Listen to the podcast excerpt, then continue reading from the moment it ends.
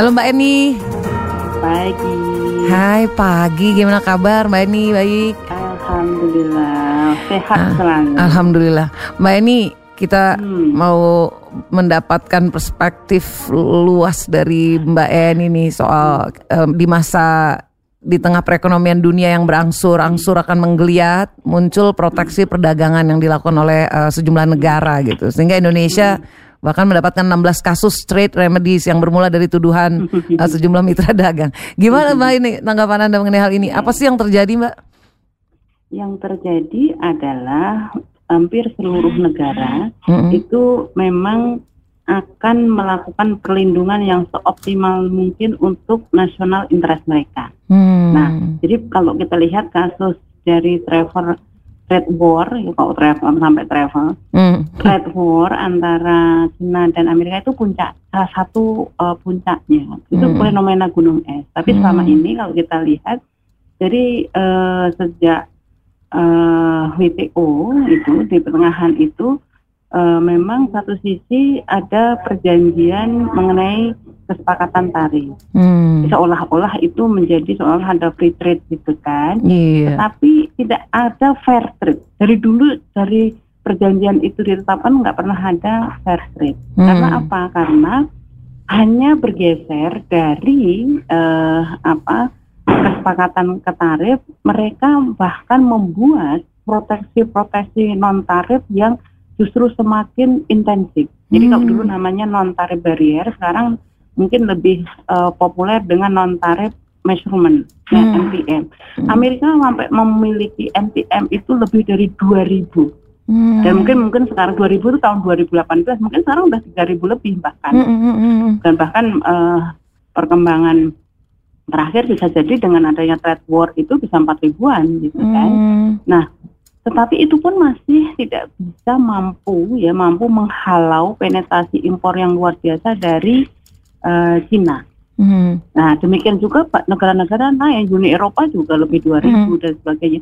Cina sendiri juga demikian. Hmm. Nah, artinya sebenarnya apa yang disebut free trade itu nonsen, nggak ada free trade. Jadi eh, Hmm. orang hanya apa namanya menggeser saja gitu. Karena bagaimanapun Hmm, hmm. eh, mandat masing-masing pemimpin negara Hmm. itu adalah bagaimana mesejahterakan warga negaranya, bukan nggak ada mandatnya mesejahterakan Negara warga lain. dunia atau negara-negara lain gitu kan. Hmm. Nah sehingga kalau Indonesia begitu lugunya meratifikasi berbagai macam free trade dan eh, lebih lugu lagi seluruh aturan dari free trade itu dicantumkan di dalam peraturan regulasi-regulasi formalnya itu yang eh, sangat memungkinkan terjadinya dispute eh, Hmm. area bukan dispute-nya tapi eh, digugat ya digugat di Hmm. WTO dan eh, kena aturan seperti sekarang ini ada 16 kasus itu gitu Oh, kan. gitu. Nah, Yang lain-lain Hmm. itu pasti TST aja di antara negara dengan Hmm. para pelaku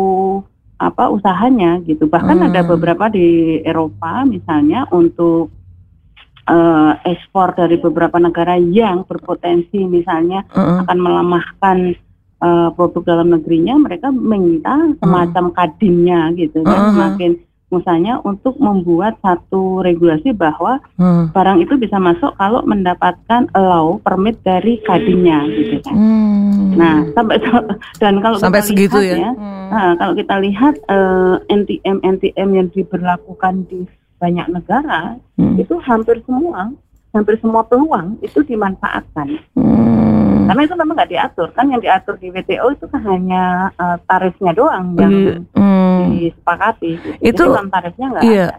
Oh, jadi eh, apakah proteksi seperti ini itu sesu, sesuatu yang legal atau wajar gitu di perdagangan global atau Bukan masalah situasional? legalnya, tapi itu memang tidak diatur di, di WTO. Jadi yang diatur di WTO itu Oh. tarifnya doang gitu. Enggak, karena kita kan beranggapan ini situasinya pandemi corona global kan, bukan itu ya?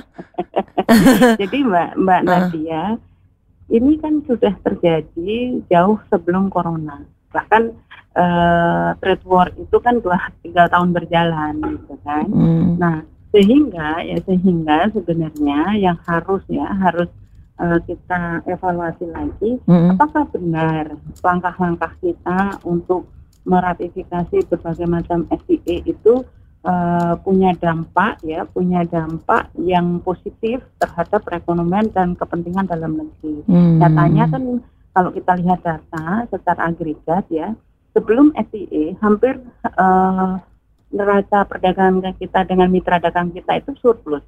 Hmm. Tapi begitu FTA, bahkan dengan Cina, ya Cina hmm. kita dulu surplus. Nah sekarang defisitnya luar biasa, penetrasi impor dari Cina hampir 30 persen hmm. dari total impor kita. Nah sementara ekspor kita meningkat dengan Cina, tapi kan porsinya hanya sekitar 16 persen. Hmm. Nah sehingga itu uh, yang menyebabkan tekanan defisit neraca perdagangan kita itu yang pertama. Okay. Jadi kalau kita lihat evaluasi memang uh -huh. FTA uh, di negara-negara lain itu mereka uh, banyak yang mendapatkan gain. Kenapa kok hanya Indonesia yang mendapatkan pen gitu kan mendapatkan uh, beban atau uh, pen on gain kita kok nggak dapatnya uh, pen. Uh, uh, uh, yang lain kan gain semua, uh. semuanya negara yang melakukan itu gain. Uh. Nah karena apa? Karena mereka pertama kak pertama mereka mem membuat satu uh, market intelligence yang benar-benar akurat jadi uh. apa yang disepakati misalnya ya sederhana uh. kita membuat satu perjanjian dengan Cina uh. apa saja barang-barang yang nanti diberikan kemudahan untuk masuk ke Cina dan sebaliknya barang-barang apa yang uh, dipermudah uh. dengan tarif sampai 0% ke Indonesia. Uh. Buat Cina mereka pastikan betul barang-barang yang masuk ke Indonesia itu bang benar-benar yang selama ini mengalir cukup deras gitu loh hmm. banyak diimpor oleh Indonesia sehingga dia mendapatkan uh, apa keuntungan. Hmm. Nah sementara kita seolah-olah kan senang tuh kita banyak juga kemudahan hmm. ekspor yang masuk ke Cina, tapi yang bisa yang selama ini hmm. mampu ditembus itu enggak sejumlahnya enggak seberapa gitu hmm. kan. Nah artinya kan bukan bukan perjanjiannya itu yang salah. Iya, dia dapat gain, kita pain ya kan. Uh, tapi tadi anda nyentuh ini benar-benar uh, anda menyinggung mbak mbak Eni anda bilang tadi uh, Indonesia dengan begitu lugunya ini sengaja lugu pura-pura lugu atau nah itu persoalannya yang selalu ini makanya terakhir-terakhir uh, ini kan ada desakan publik bahwa setiap uh, apa perjanjian-perjanjian internasional terutama dari perdagangan itu harus dikonsultasikan dengan DPR. Hmm. Apa? Supaya ada ya diskursus publik gitu loh. Hmm. Ada masukan-masukan pada publik benar gak itu menguntungkan atau tidak. Makanya hmm. yang uh, dengan EU ya, dengan CEPA, dengan EU ini kan agak terkendala karena hmm. sudah masuk harus mendapatkan permit hmm. atau bukan permit sih, lebih tepatnya mungkin iya. uh, persetujuan. Harusnya konsultasikan Makanya, dulu ya. Nah, oh. nah, nah dulu itu uh, terkadang ya kalau kita lihat uh, kita uh, ini perjanjian-perjanjian ini kan pertama setelah MOU itu disain ditandatangani mungkin Kementerian Teknis yang terkait dengan itu aja nggak paham nggak tahu. Karena mungkin nggak terlibat gitu kan. Yang menjadi ujung uh, ini kan hanya Kementerian Perdagangan. Hmm. dan Kementerian Perdagangan pun uh, ketika di dalam negeri untuk melakukan Iya. Halo putus-putus mbak ini ya. selalu ya pokoknya uh. mewakili gitu kan mewakili kementerian yang bersangkutan uh, uh. nah sehingga itu ya ampun oke okay, oke okay. yang menyebabkan banyak hal uh. yang menjadi distorsi bahkan uh, banyak perjanjian yang dunia usahanya sendiri juga nggak tahu tadi misalnya kita sepakat bahwa ada kemudahan ekspor ke Cina uh, dapat dia masuk 0%. Tapi mm. kalau pengusaha yang bersangkutan itu nggak ngerti kan nggak bisa dimanfaatin juga gitu loh. Iya juga ya.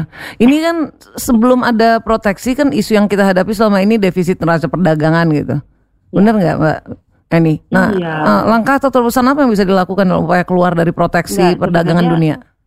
Ya sebenarnya kalau kalau proteksi itu uh, kita tinggal bagaimana cara mensiasati karena oh, gitu. sebenarnya kan Hmm. Uh, COVID ini juga sebenarnya kalau mau kita mengambil hikmah itu banyak sekali termasuk bagaimana kita melepaskan ketergantungan dari berbagai macam impor. Jadi hmm. tidak hanya mereka saja yang memproteksi, kita juga bisa memproteksi hmm. dong, gitu kan. Hmm. Kalau barang-barang kita diproteksi, bahkan dulu Ahad Mahatma Gandhi sampai bikin gerakan Swadesi, Ahimsa gitu kan. Iya. Sampai ya kita nggak perlu nggak perlu se ekstrim itu, tetapi hmm. ini momentum bagaimana menggerakkan UMKM UMKM untuk bisa melakukan substitusi impor gitu hmm. kan sehingga kita kan punya pasar yang sangat-sangat besar ya. Kita Hmm. punya big population, kita punya sumber daya. Hmm. Jadi sebenarnya kalau kita lihat uh, kom, uh, trade apa neraca perdagangan kita dengan banyak Hmm. negara yang besar-besar terutama Cina itu sebenarnya tingkat homogenitasnya itu sampai 70%.